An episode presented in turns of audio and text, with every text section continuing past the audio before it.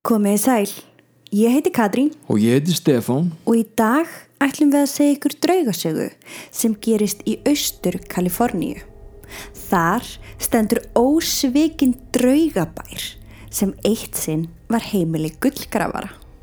Já, þetta er sennilega eina af þeim sögum þar sem að þú sérð engöngu um rannsóknarvinnu og heimildaröflun vegna rannsóknar okkar á höfða í síðustu viku. Já, það var bara alveg ofbóðslega stór þáttur sem við settum inn fyrir áskrifendur og í raunin á meðan þú varst bara að vinna í því að koma því öllu saman inn Já, þá fann ég þessa góðu sögu. ok. Ég er spenntur.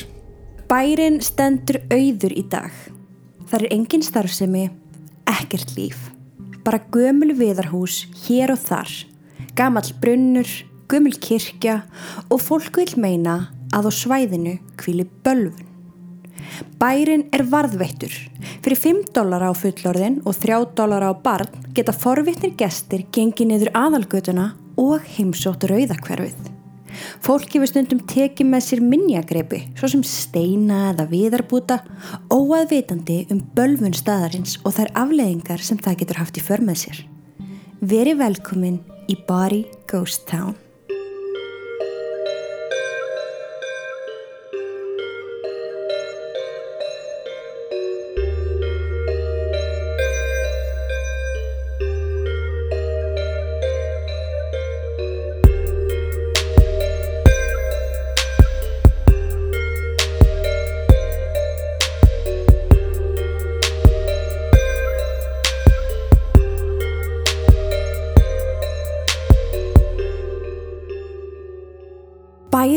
Skýrður í höfuðið á manni sem hétt William Barry.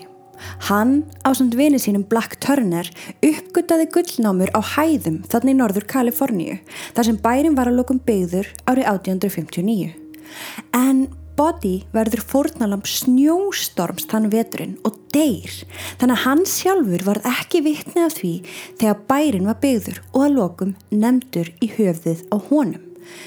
Það sem í rauninni var að gerast þarna er að fólk þyrptist á þessu slóðir og það voru þessi námumenn sem byggðu bæinn í rauninni. Já. Bara svona hægt og rólega á meðan þeir voru að leita gulli. Í þessu gullæði svo kallað það sem að, Já, já, námuverkamenn voru bara sendir hér og þar á þessa staði og voru látni bara að leita gulli og skilja inn í bankan. já, í rauninni. Seint á átjónda áratögnum var bærin Boddy orðið heimili 10.000 manns og allir íbúar voru þarna í einum tilgangi, að finna gull. Þannig að það voru margar fjölskyldur sem fluttu þarna þar sem menninni gáttu fengið vinnu í námanum en svo var þetta auðvitað kjörnstæði fyrir einstaklinga til að koma vinna í nokkra vikur, mánuði fyrir góðan pening. Boddy er í rauninni bara stórt landsvæði á 500 hekturum við hliðin á Sierra Nevada sem er stór fjallagarður. Bærin er 8000 fetum yfir sjáamáli þannig að bærin og samfélagið var byggt á þurrum sandi. Vá, Bara ok. Allt flatt, engin tré, sjóðandi sömur og grimmur vetur. Þetta er sko svona sannlega middle of nowhere ef ég lefi mér að sletta Já, aðeins. akkurat. En vá, 8000 fetum yfir sjáamáli. Já. Það kannski, já, það er kannski uppskrift af smá reymleika. Í mitt. Ég fann þessa lýsingu hérna frá fólki sem hafði heimsótt staðin og mér langar til þess að lesa hana fyrir ykkur. Í gegnum árin höfum við Tom heimsótt draugabæn Boddy.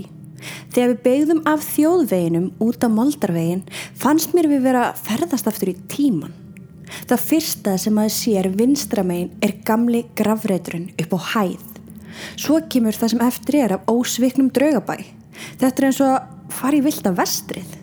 Í dag standa 168 byggingar og bæri lítur vel út, svona þannig sé, miða við að þetta sé draugabær. Sum húsin voru byggð um 1849 og þau standa enn. Verslunin er enn með vörum til sölu í hillunum því verslunareigendur sögðu að þeir myndi koma aftur um leið og efnagslífi myndi lagast sem það gerði aldrei í body. En hvernig var þessi bær eiginlega til í upphafi? Þú veist, það er í rauninni ekki nóg að það séu bara tveir vinir sem segja, heyrðu, við fundum gull, Nei, nei, komið með okkur. akkurat. það þarf meira til það voru fjárfestingafyrirtæki í New York sem gerðu þetta í rauninni að veruleika. Það voru þeir sem borguðu fyrir allt sem þurfti að gera. Grafa göng, byggja námur og svo auðvitað byggja hús, búðir og annað svo að fólk geti búið þarna. Sagan í kringum það er þannig að árið 1861 var Bunker Hill náman stopnuð og það var reist vindmilla.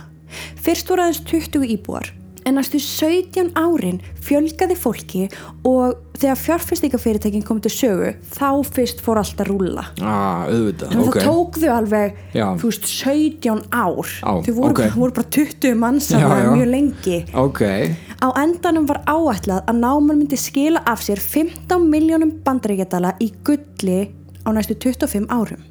og örgulega miklu, miklu meira á þeim tíma Já, nú með 5.000 íbúa og verandi yðandi gullnámi miðstöð gatt Boddi bóðið upp á mörg fríðindi sem engungu var að finna í stærri borgum.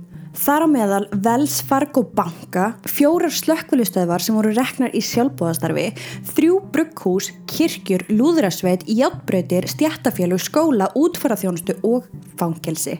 wow. Þannig að þetta bæjarfélag var alveg ágætlega efnað, ef svo maður segja já, og margir sem bjögguðna var bara heiðalegt og gott fólk sem syndi vinnunum sinni vel og fekk vel borga fyrir. En fljótlega fór að koma önnur mynd á samfélagið. Menn lögðust í drikkjuskap það voru margir lítrar af viski fluttir inn í bæin mánaðalega og það var ekki af ástæðu lausu. Þessi námumenn sem unnu allan daginn vildu drekka á kvöldin. Og fljótlega fóru þeir að leita í fjárhættuspil og vændi vændishús og spilavíti voru opnuð í bænum ekki eitt, ekki tvö, við erum að tala um bara já, já, nokkur ok Það leiði ekki á lengu þá hvernig Boddi var þekktur sem bærin þar sem ríktu engin lög. Ofbeldi og morð urðu daglíkt brauð og endanum fekk hann nafnið Bær Sindana. Ung stúlka segir þá þessa frægu setningu þegar hún var að flytja í bæin með fjölskyldinni. Hún fór á hnýja, spenti greipar og sagði Bless Guð, við erum á leiðinni til Boddi. En það var eitt vandamál. Það var einungis eitt fangelsi starfandi í body og allt of mikið af glæpamönnum svo að morð voru framinn bókstaflega daglega. wow. Það var bara ekki nóg mikið plás til að loka alla inni af því að flest allir voru að fremja einhvers konar glæp. já, já, já þetta er náttúrulega líka bara í þessu gullæði þetta, þetta er í viltavestrinu og svona gullnámi bæir spruttu náttúrulega upp út um allt og þarna var bara annarkvort drepur þú eða þú ert drepin En útfarastjórun hann var í mjög góða málum af því að viðskiptin blómströfist í honum. ok, ok, það það er gott það kemur fram sko. já, það plús Veturinn 1878-79 var skelvilegur fyrir íbúa body. Hann kostaði hundruð mannslífa. Fólk viktist alvarlega og smitaði út frá sér. Timbur fjall inn í námanum ofan á verkamenn og sumar námurnar hreinlega sprungu eða lokuðust af. En samt hjælt bærið sig gangandi og núna árið 1879 var fólksfjöldi komin upp í 10.000 manns og byggingarnar orðin 2.000 wow. Sko svæði sem bærin er á er bara frekar opið. Já. þetta er eiginlega bara eins og eðumörk eins og ég sagði, það er engin tría nálagt þetta er bara stórt þurrt svæði. Ok, en íbúar þurftu við til alls konar nota. Þannig að fljótlega stopnuðu kaupsíslumenn Boddy and Benton járbrutateina í þeim tilgangi að flytja timbur inn í bæin þetta var árið 1881 Eins og aðrar játbreytastöðvar á Vesturlöndum réðu Boddi og Benton Railroad ódýrt kýmverst vinnuafl sem neykslaði mikið atvinnulösa námumenn sem voru nú þegar á staðnum. Þessir járbreytateinar er ekki til staða lengur en það eru samt sögulega leifar sem hægt er að sjá. Út af þessu þá fór fólk auðvitað að flytja úr bænum. Þú veist, það, það voru Já, allir já. bara brjálar það voru alltaf mikið að fólk einhvern veginn komið í bæin Já. og svo þegar loksins kom upp stórt verkefni að búa til játbrutateina þá var bara Erlend vinnuöfl komið inn. Já, já, þannig að þar sem það var engað vinnu að fá þá fór fólk hægt og rólega að flytja burt að leita einfaldra lífi annar staðar og allt í einu voru íbúar farnir úr 10.000 manns nýri 3.000 manns. Wow, ok Stærstu námundnar saminuðust og heldu áfram að starfa næstu tvo áratíi.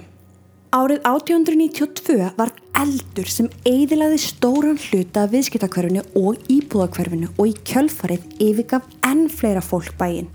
Hundruði manna voru myrtir á staðinum og aðrir örðu úti, hinn er fluttu. En svo var þetta gullaði bara svolítið að renna sitt skeið. Já, já. Þó það væri ennþá verið að finna upp nýja leiði til þess að grafa eftir gulli, þá var samt ekki hægt að horfa framhjóður í staður en þessi atvinna var bara svolítið að gefa upp öndina og hún ætti ekki eftir að lifa af mikið lengur. Nei, nei, bara tímabil Þannig að bærin var opnaði fyrir ferðamenn árið 1900 til að halda efnahæginum gangandi og árið 1920 á meðan bjórbannið stóð yfir þá flyktust allir til body til að drekka og djamma. Og það var svona óskrifu regla um að lögreglan leti undan og skipti sér ekkert af bænum og því sem var að gerast þar. Ó, ok, það búða samt ekki gott en ok, Þetta var samt gert á svo Já, mjög já. stöðum sko. satt Árið 1932 kom síðan upp eldur sem eigðalagði aftur meiri hluta bæjarins.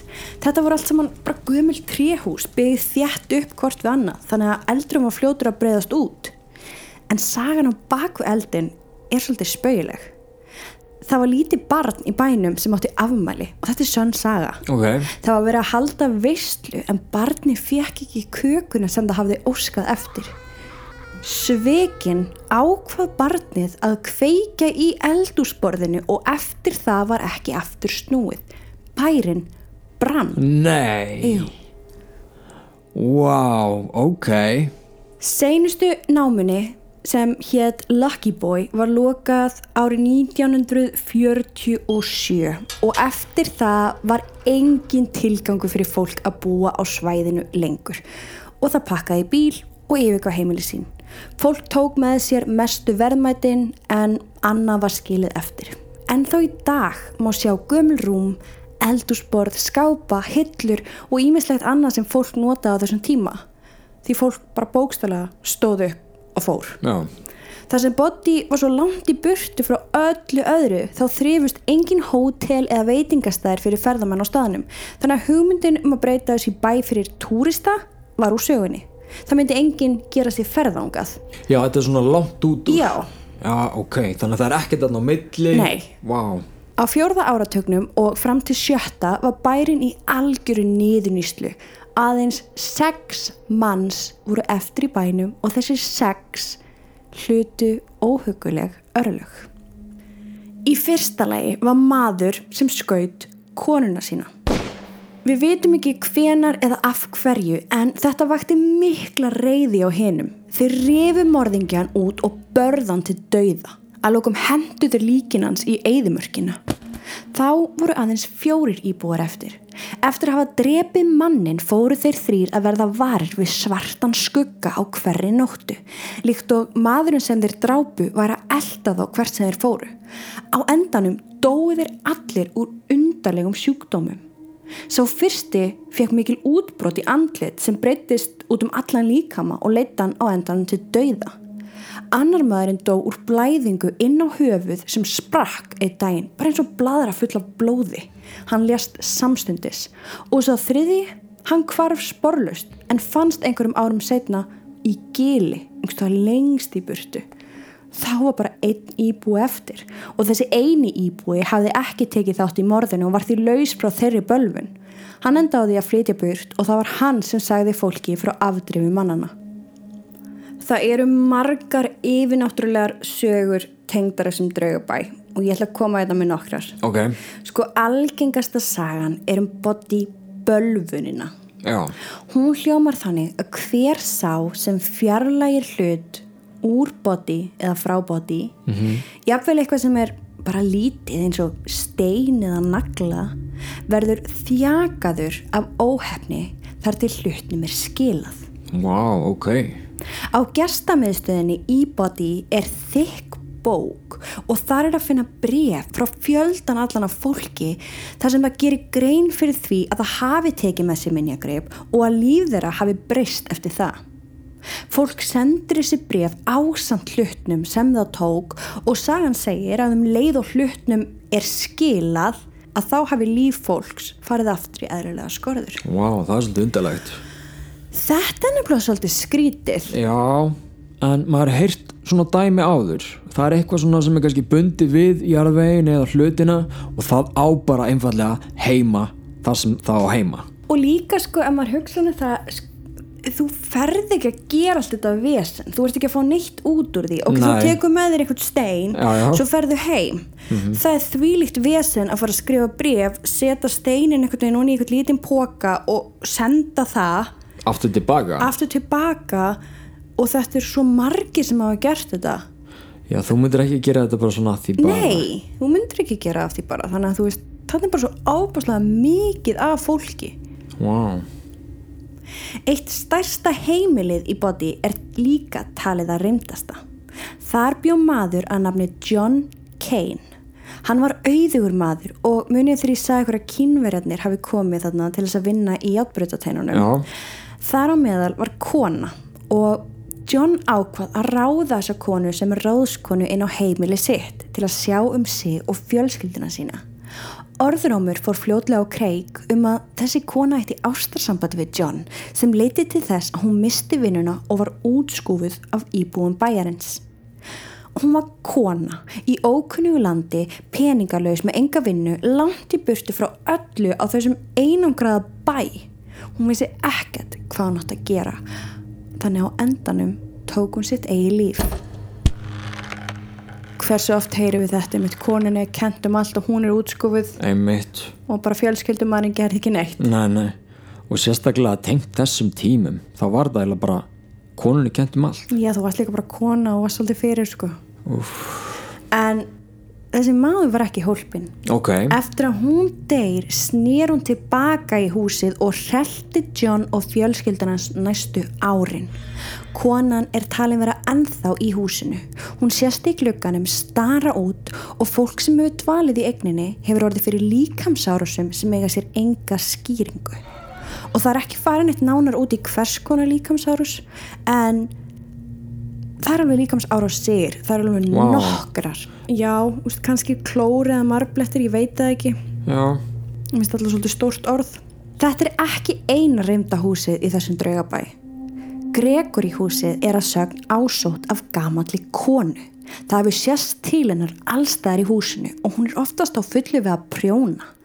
En hún er vist það skýr að fólk hefur haldið að hún hafi týnst úr leiðsöguferð. Þannig að fólk fær alveg áhyggjur af þessari gömlu sem er að prjóna og það þú veist fer og reynir að finna hana og reyna að koma henni aftur. að- þarfst ekki að fara heim skan. Já, hún bara finnst aldrei og svo bara sést hún annar staðar Wow. þú veist, ég veit ekki hvort hún sé mögulega að gera þetta bara upp á, Fönnið? já, bara upp á djókið Já, ég myndi gera það. en hún er allavega þarna Ok.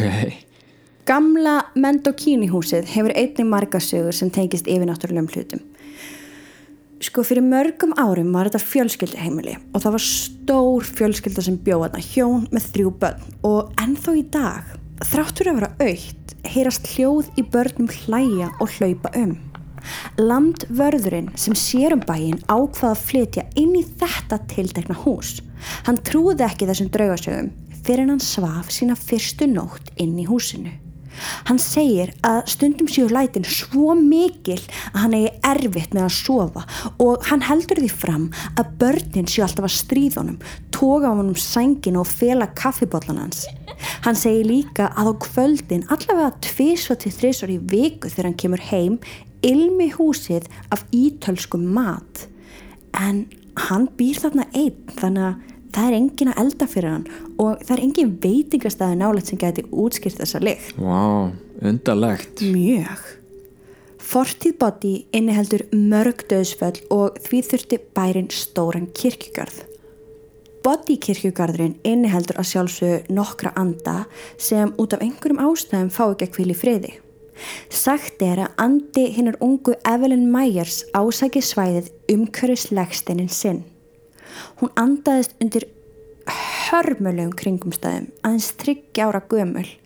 Sagan segir að hún hafi lent í hörmulegu slesi sem var þannig að hún fekk öksi í höfuðið og dó. Hmm. Ha? Hljómar ekki alveg svo slis. Hvernig færðu bara öksi í höfuðið og dyrð bara... Óvart. Ég allavega, ég persónulega kaupa ekki að þetta sé slis. Næ, en kannski bara gildi engin lög í body. Nei. Hún á allavega alveg ótrúlega fallegan gráan leggstein með engli á. Ok. virkilega falleg gröf sem hún á. Og það eru aðlega börn sem sjá hana ganga um garðin og þau láta alltaf fóreldri sinna vita af lítilli stelpu sem er að byggja um að koma að leika. En aldrei treysta draugabarni. Rétt. Hmm. Draugabærin Body er heitlandi áfangastæður fyrir alla sem hafa áhuga á sögu Kaliforníu þegar að gullæði var í hámarki. Í dag eru rústir bæjarins opinn ferðamönnum en það er langt ferðalega að komast ángað. Já Þetta er ekki bíltúr Nei og sko þó að bærin sé opinn allt árið um kring þá er ófært ángað á veturna. Snjórin er svo mikill að svona venjulegu fólksbíl þarna í Kaliforníu þetta, hann er ekkert að ná að keira sveitavegin sem liggur að bænum. Nei. Þannig að það getur gefið okkur smá hugmyndu um hversu harður veturinn var aðna í gamla daga.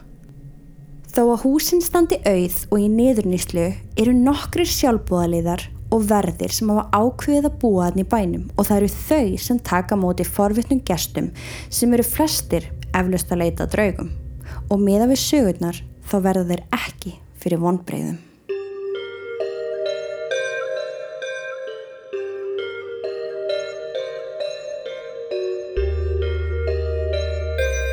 Það eru furðulegi tímarnir sem mega sér stað núna í þjóðfélaginu og um heim allan vegna faraldusins og neyðumst við mörg til að halda kjurri fyrir.